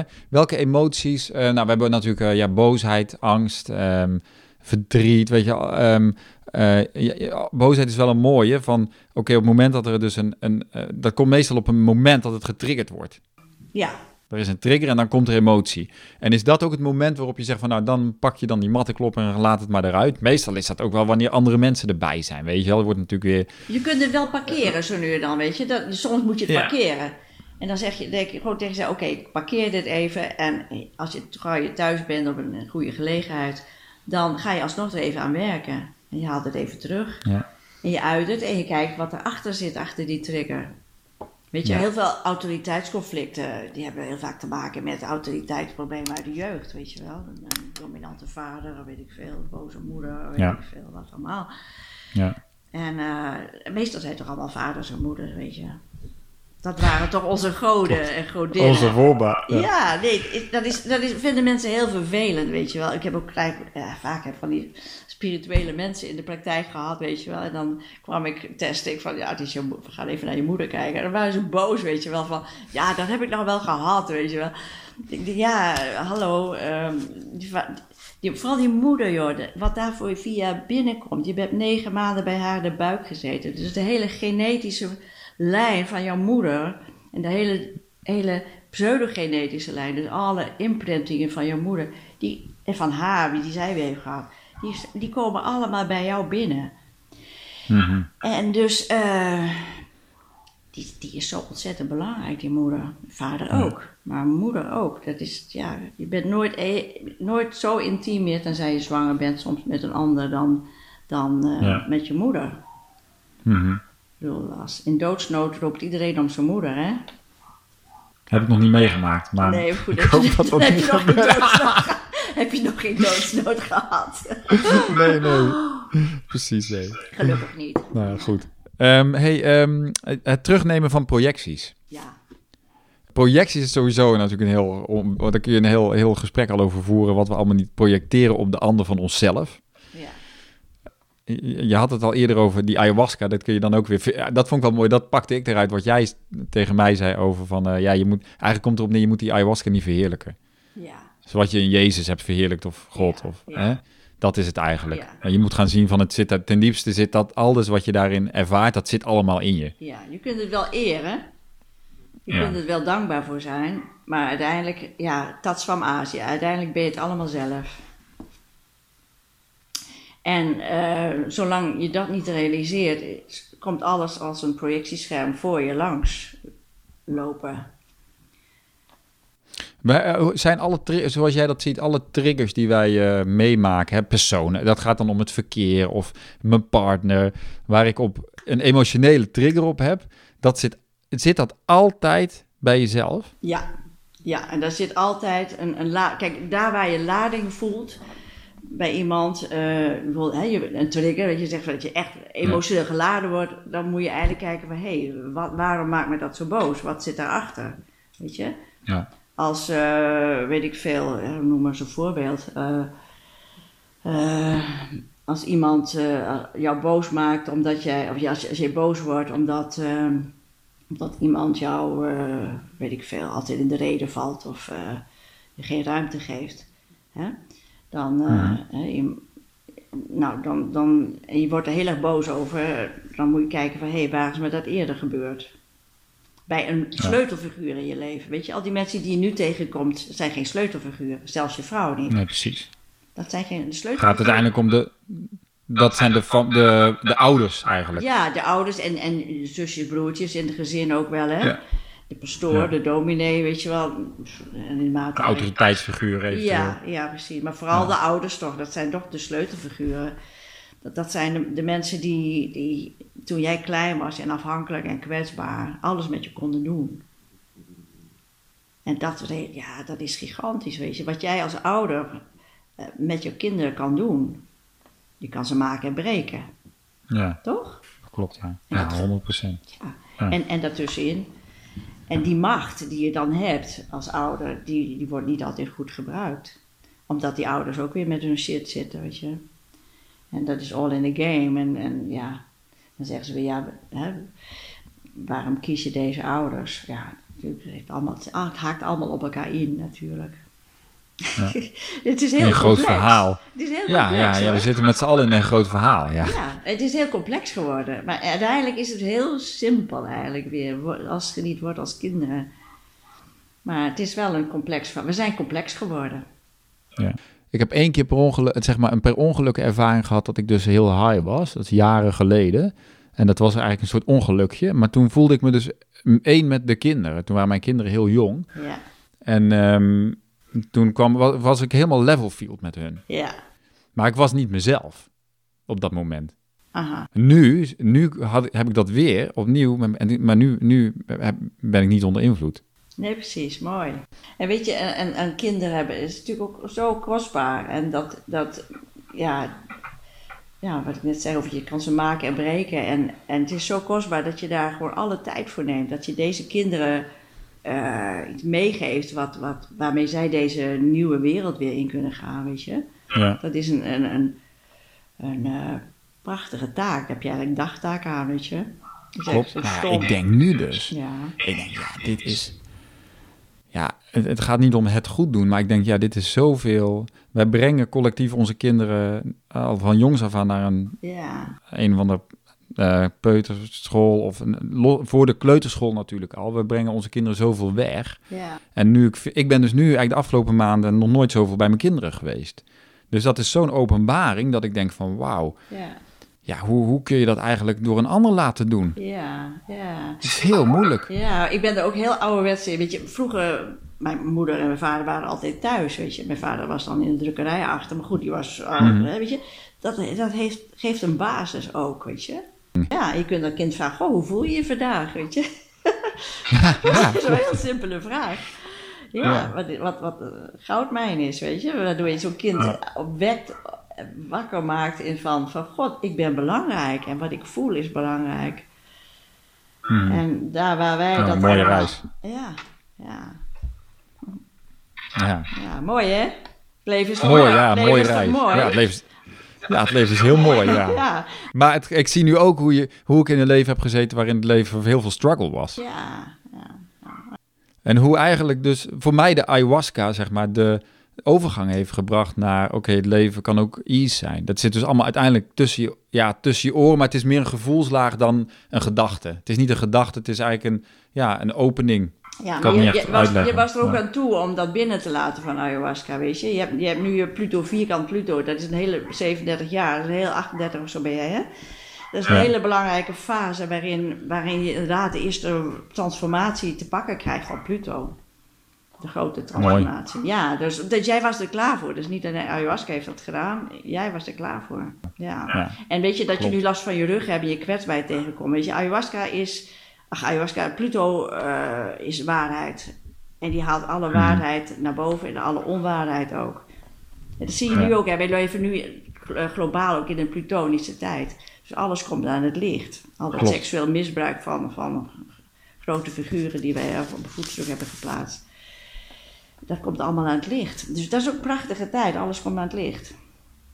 Hmm. Dus, lichtpuntwerk. Woe. Mooi, mooi. Hey, eh, kunnen mensen nog met jou werken komend Ja, jaar? je, hebt zeker, een, zeker. je, je hebt een paar data ge- geplaatst of zo, hè, geloof ik. Ja, ik heb... eh, Of zit jij vol nu voor? Nee, er zit nog, is nog iets plek nog. In eind januari heb ik een dag gepland. En, ehm, en mensen kunnen voor een doorgaande groep zich melden. Maar ik ga, van tevoren gaan we dan een, in de Skype. eh, Ja, precies. En jij doet ook eh, wat mensen ook bij jou kunnen doen, is een soort een, een Skype-consult waarin jij naar de astrologie en human design ehm, bij elkaar legt eigenlijk. ja, hè? en lichtpuntwerk. Dus waar Ja. we helderheid Ja. gaan, eh, creëren van wat is er in jouw leven, wat speelt er en wat, wat zou je nu kunnen en willen. Dat soort Ja. dingen. Mooi. Nog even één ding voordat we gaan afronden. Toch nog even over ayahuasca. Jij zei over je eigen reis van ja, ayahuasca kan ook Ja, ehm, je eigen beelden, je eigen projecties. Je kan heel veel dingen zien die je later misschien wel op een bepaalde manier gaat interpreteren, die dus het niet zijn. ja. In hoeverre is ayahuasca, wat je ziet in een ayahuasca-reis, de waarheid? Nee, nee. Voor jezelf? Het is jouw Of kun je dat niet waarheid. zo? Nee, het is Jouw jouw, waarheid. waarheid. weet je. En, ehm eh, wacht, ging net iets door me heen. Eh, het, het is altijd jouw waarheid. En eh, ayahuasca vergroot dingen uit die in jou zijn. Die vergroot het uit.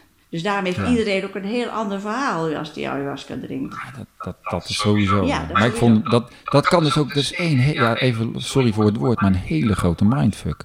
Dat kan, ja zeker, dat kan. Maar ze- zeker als je het blijft projecteren op, op. Jezus en Maria's en weet ik veel wie allemaal weer, dan kan het, ja, dan kan het, ja, dat is ook een reis natuurlijk, hè. Dus als iemand die reis wil maken, is ook goed, weet je. Ja, precies. Ja. Dus We zijn vrij om de, onze eigen reis te maken en iedereen maakt zijn eigen reisje. En, Ja, ehm. Maar het vergroot uit, het vergroot uit. Dus kijk, ik, ik had Maar het vergroot dus uit, wat vind ik een beetje, ik probeer daar dus, ik probeerde op een gegeven moment ook vat te krijgen op wat ik dan heb meegemaakt in die reis. Wat ik niet kan. Ik kan het gewoon niet. Ik kan er, ik kan er eigenlijk, ik moet het maar loslaten, denk ik. Ja. Omdat het zo'n, ehm, nog een keer drinken. Ja, ja, dat sowieso. Ik ben er nog niet klaar mee. Maar, maar ehm, omdat ik ook wel dacht van, ehm, waar gaat dit heen, Ja, mijn leven? spannend hè? Ik, als, ja, spannend. Ik voelde wel van, oh ja, dit kan wel heel spannend worden. Ja.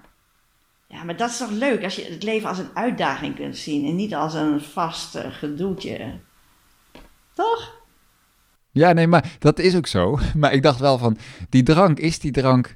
Ook, maar dat is natuurlijk weer het ego. Wat zegt, is dat wel te vertrouwen? Ik vond het fantastisch, hè? Snap je? Maar dat stukje van, oeh ja, die controle loslaten is ook wel van... En als je dan ook nog je, je eigen projecties daarin meeneemt, zeg maar, Natuurlijk, en maar, weet, kan dat. maar weet je waar- waarom dat bij mij, waarom dat verhaal van, van Jezus ga, ga, ga mijn graf zoeken in de Zuidsgang. Weet je, ik heb altijd iets gehad in mij, ik wil een groots mislepend leven, weet je wel. Grote verhalen, weet je wel. En dat werd ook uitvergroot van jeetje, het, het graf van Jezus vinden, weet je wel. En, eh, en daar een boek over schrijven in zoveel talen, weet je wel. Dat is ook een soort, Ja, ja, ja. ja, een soort grootheidswaan, weet je. Dat zit ook in, staat ook in mij. Dat komt dan dus ook naar Dat uit. komt er ook uit, weet je. Ja, nou ja, god, dat is dan maar zo. Dat is, eh, Dus, ja, dus eigenlijk zeg je van, in die, in die ayahuasca-reis worden heel veel dingen die gewoon in jezelf zitten, die niet per se goed, of laten we ze neutraal noemen, die worden gewoon uitvergroot, wat het ook is. Dat kan heel veel ego zijn of niet, of ja, maar die is, Whatever. wat is ego? Ja, ja, dat weet ik niet. Wat is jouw definitie? ja, ja ego, dat, ja, nee, ik, ik denk niet meer in die term, weet je. Alles is bewustzijn, weet je. En, ehm, Het ego, ja, dat is gewoon onze identiteit, de naam die je gekregen hebt. Uh, Ja. Je bent dochter, zoon van die en die. En, nou ja, dat is je voertuig, zeg maar. Of Ja. je lichaam is eigenlijk je voertuig, hè. Maar eh, ja, ik, ik kan niet zoveel met het ego gehouden hoor. Nee. Van eh, je ego loslaten en zo. Denk, ach, ja, dat is ons, onze, ook onze motor, zeg maar, in dit leven. Ja, je moet iemand zijn hier. Je moet je Ja, dragen ja, op de een of andere je moet manier. een naam hebben, toch niet? Je kan, niet, Ja. je kan elkaar niet geen nummer geven, dus je moet een naam hebben, weet je wel. Ja, leuk, ja. Nee, oké, maar goed, dus de, dus de, maar goed, wat, ik, wat voor mij dan de kern is, en dat, dat beaam je dan, is uiteindelijk allemaal overgave, dus ook in die ayahuasca. Dat heb ik ook heel sterk van Ellie meegekregen. En dat heeft mij wel zelf ook door, er doorheen ge- gebracht van, oké, ik moet maar vertrouwen en overgeven. Want anders was ik echt in een, een of andere, in, daar kun je gewoon helemaal doordraaien. Ja, maar je moet het dus ook kritisch onderzoeken. Ik, ik ben altijd ook, ja, wat mijn eigen werk betreft, en ik heb heel veel vorige levens gezien, ben ik altijd kritisch gebleven. In mijn eerste boeken heb ik vooral over mijn vorige levens geschreven. Ja, daar kreeg je wel kritiek op, geloof ik, hè? Wat? Daar kreeg je ook wel wat kritiek op, toch? Ja, zeker. Wel, bedoel je mijn eerste boek, eh, De Kracht van het Bestemmen? Ja? Ja, ja, ja, ja. Ja, natuurlijk. Ja, ik, ik schreef daarin dat ik Etty Hillesum geweest was, hè, dat ik die herinneringen had. Ja, ja, ja. Dat konden mensen niet waarderen. Wat?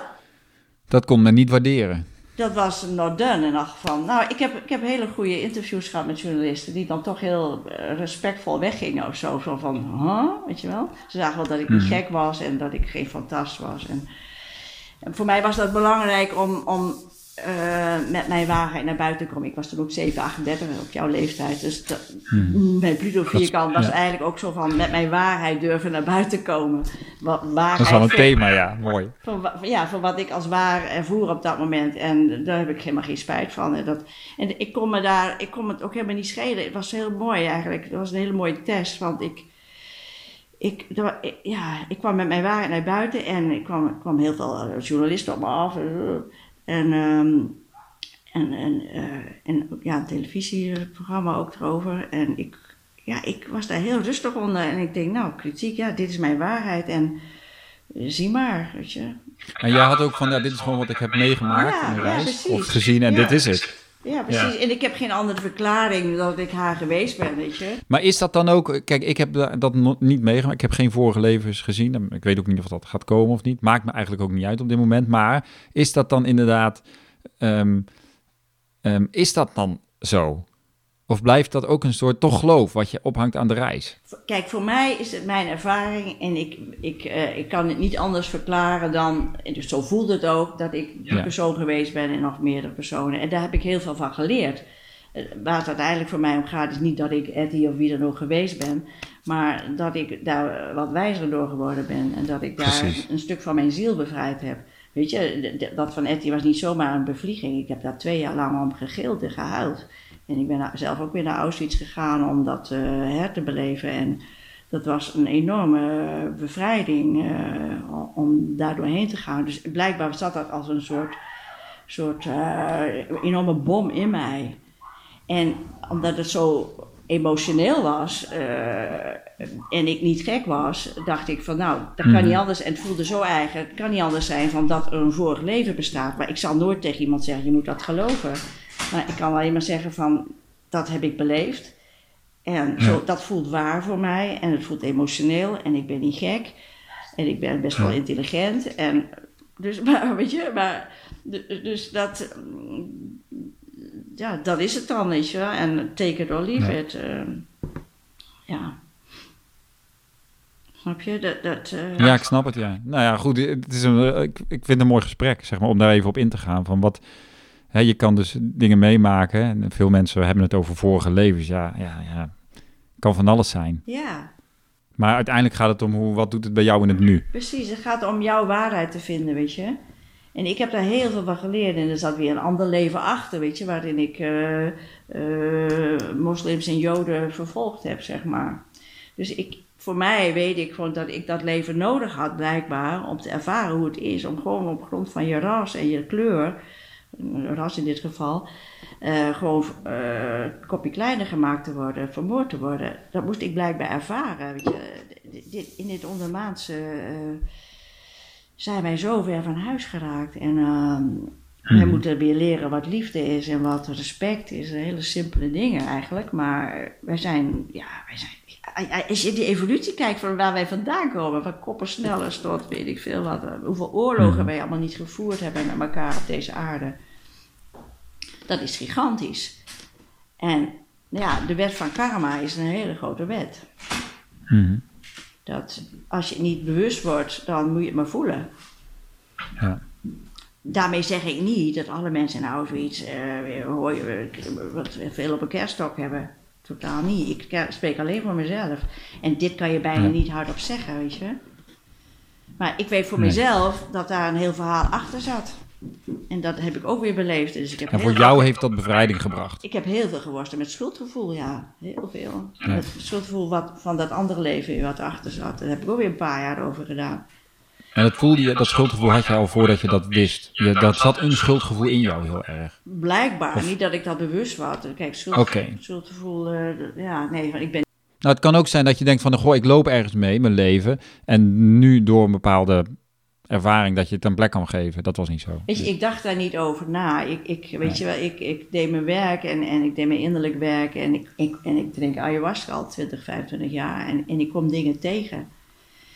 En het meeste van wat ik eh, in de ayahuasca ben tegengekomen en in mijn werk eh, klopt voor mij, weet je. Maar soms ben ik, ben ik ook in, de fant is, is mijn fantasie doorgeschoten. En dan heb ik mezelf weer op kunnen corrigeren in de loop van de tijd. Ja. En dus de- in die zin is het wel goed als je die, als je die drank drinkt om, om gewoon ook daarna weer kritisch naar jezelf te kijken van hé, hey, wat was dit? Ja, precies. Nou, ik ben wel heel dankbaar dat ik eh, inderdaad... Nou ja, Ellie is natuurlijk sowieso waar ik dan eh, geweest ben. En sowieso, die ken jij ook natuurlijk. De very down to earth, zullen we maar zeggen. En dat dat wel heel goed is, zeg maar. Om na- vooral na de ayahuasca, om de dag daarna dat echt aan de grond te zetten. Ja, Omdat anders had ik eh, naar buiten gelopen en gedacht dat ik Jezus was. ja, ja, ja, ja, ja precies. Ja. Dus snap je? Ik bedoel, dat kan helemaal... ehm, Uiteindelijk zijn we ook Jezus, weet je. Zijn we, ehm, nee, je bent geen Jezus. ja. niet met, ik bedoel, jij bent... eh, Nou, Ja. snap ik. Je bent je eigen mensenzoon, ja. je bent je eigen, eigen redder, je bent je eigen verlosser. ja. We zijn niet gewend. ja, We zijn niet gewend. nee. Dus daarom moet je, dus moet je, ik heb veel, veel ayahuasca gedaan, honderden, duizenden misschien wel keren. En eh bizar, bizar. Bizar. Achteraf, Dat is echt bizar, ja. achteraf denk ik ook bizar. En iedere reis was weer, ja, zo wat nieuws. En wat, wat, ja, soms ook jarenlang hetzelfde, eh, hetzelfde thema, hetzelfde leven, weet je. Maar ja, het heeft me wel veel gebracht. Ik bedoel, eh, maar niet, niet voor iedereen is, is dat pad, weet je. Ik zeg ook niet dat iedereen dit pad moet gaan. Eh, Je moet, je moet het zelf voelen. Wat jou trekt, wat je hart je ingeeft, waar je aan toe bent. Wat je leuk vindt. Hm? Wat je kunt dragen. En wat je kunt dragen ook, ja. Wat je kunt Ja, dragen. precies, dat is ja. ook belangrijk, hè. Er zijn ook mensen Ah, dat die het niet kunnen wel. dragen, weet je. Als je te weinig ego bent, de over ego, te weinig ego hebt, dan kun je dat niet dragen. Nee, want het is heel, je kan in een wereld terechtkomen waarin jij... Ja. Ja, dat, dat, ja, dat kan er best Hey, wel dus dat ego, dat, die Ja. identiteit is heel erg belangrijk, hè. Dat is heel Ja. Om jezelf niet te verliezen, om jezelf niet te verliezen in een verhaal uiteindelijk. En dat je een bepaalde basis hebt, een kritische basis hebt in jezelf. Ja. Zodat je eh, weet wat fake nieuws en nieuws is, hè? Weet je? Ja, ja, Dat soort ja. dingen. En dat heeft soms tijd nodig, weet je? Soms kan je, nou ja, wat ik ook, eh, weet je, ik heb ook een boek geschreven waar ik stukken dacht dat, dat Jezus dat mij geciteerd had, weet je wel? En dat, dat stukje, Gechanneld van Jezus, ja. ja, dat is dat boek eh, Licht, nee, Lichtheid schijnt, tot licht zult gij wederkeren. En die stukjes waar ik Jezus schreef, eh, die, dat was een enorme andere flow gewoon. Dat was een andere tekst als dingen. En dan denk je over, ja, maar dat, kwam- dat kwam gewoon uit, een, eh, uit mijn innerlijke Jezus, zeg maar, hè? Mijn, uit mijn innerlijke Ja. zelf. En dat heeft soms tijd nodig om die projectie terug te, te vernemen. Dat je denkt van, goh, maar ik ben het allemaal zelf. Weet je, ik ben, ik ben ook opgegroeid bij een moeder die een enorm minderwaardigheidsgevoel had. En ik ook. Ja. Dus vanuit een minderwaardigheidsgevoel, vanuit, en ik was ook nog een nakomertje, dus vanuit een klein duimpje eh, Mhm. complex, kun je ook heerlijk in de grootheid gaan, hè? Ja, precies. In de Dan kan het ook van helemaal omdraaien. Ja. Ja, ja, ja. dat doen we natuurlijk, al- ja. Het is complex. De human mind, zeg maar, is een hele complexe materie. En als je dan ayahuasca erin brengt die de boel helemaal open rijdt, want dat is het. Je gaat, tenminste, je gaat dan helemaal open. Ja, Dan moet je dat wel weer achteraf een soort van plek geven. ja, ja, precies. Ja, dan moet je dat wel weer kunnen zien van oké, dat ik moet nu ook weer leven, zeg maar. Ja. Als een normaal, soort van als een mens. Maar dat is de uitdaging, hè? Om het in deze materie, in deze, op deze aarde te flikken. Precies. Ja, mooi. Ja, mooi, oké. Moeten we daar nog iets aan toevoegen? Nou, mensen kunnen, wat ik al zei, hè, eh, face- Facebook kunnen mensen jou vinden op Riet Okke om ehm, jouw ehm, schrijfsels zeg maar, ehm, te bewonen. En wat jij ook leuk vindt, is jij gaat graag het gesprek aan. Wat, wat, dat vind ik wel heel leuk. Hè. Er wordt natuurlijk op Facebook heel veel... Ja, mensen of ze zeggen iets en dan komt er of heel veel eh, een soort van emoties en allerlei dingen. Maar bij jou gaat het om, we gaan op, samen op zoek naar, naar ja, op zoek, samen op zoek naar inzicht. En dat vind ik wel mooi. Dat komt in jouw stukken er ook uit. Dus ik denk dat dat voor andere mensen ook best wel ehm, ja, inspirerend kan zijn. Ja. ja, ik ben Ja. echt een netwerker wel, hoor. Oké, Goed, we gaan het denk ik hierbij laten. Ehm Riet, dankjewel. graag gedaan en dankjewel aan jou. Oké, dat was hem. Eh, je hebt tot het eind geluisterd, dus dat betekent dat je het een boeiende podcast vond. Ehm, en is misschien ook een goede reden om deze podcast te delen met een vriend of vriendin in je omgeving. Ehm, verder vraag ik je om te abonneren op iTunes en daar een review achter te laten. Dat helpt mij enorm bij het bereiken van meer mensen. Mocht je meer willen weten over de podcast en wat ik nog meer doe, kijk dan even op davidpieters.com, waar je ook een mogelijkheid vindt om met mij samen te werken. Ik wens je nog een goede week. Eh, volgende week ben ik er weer met een nieuwe uitzending. Oké, tot ziens.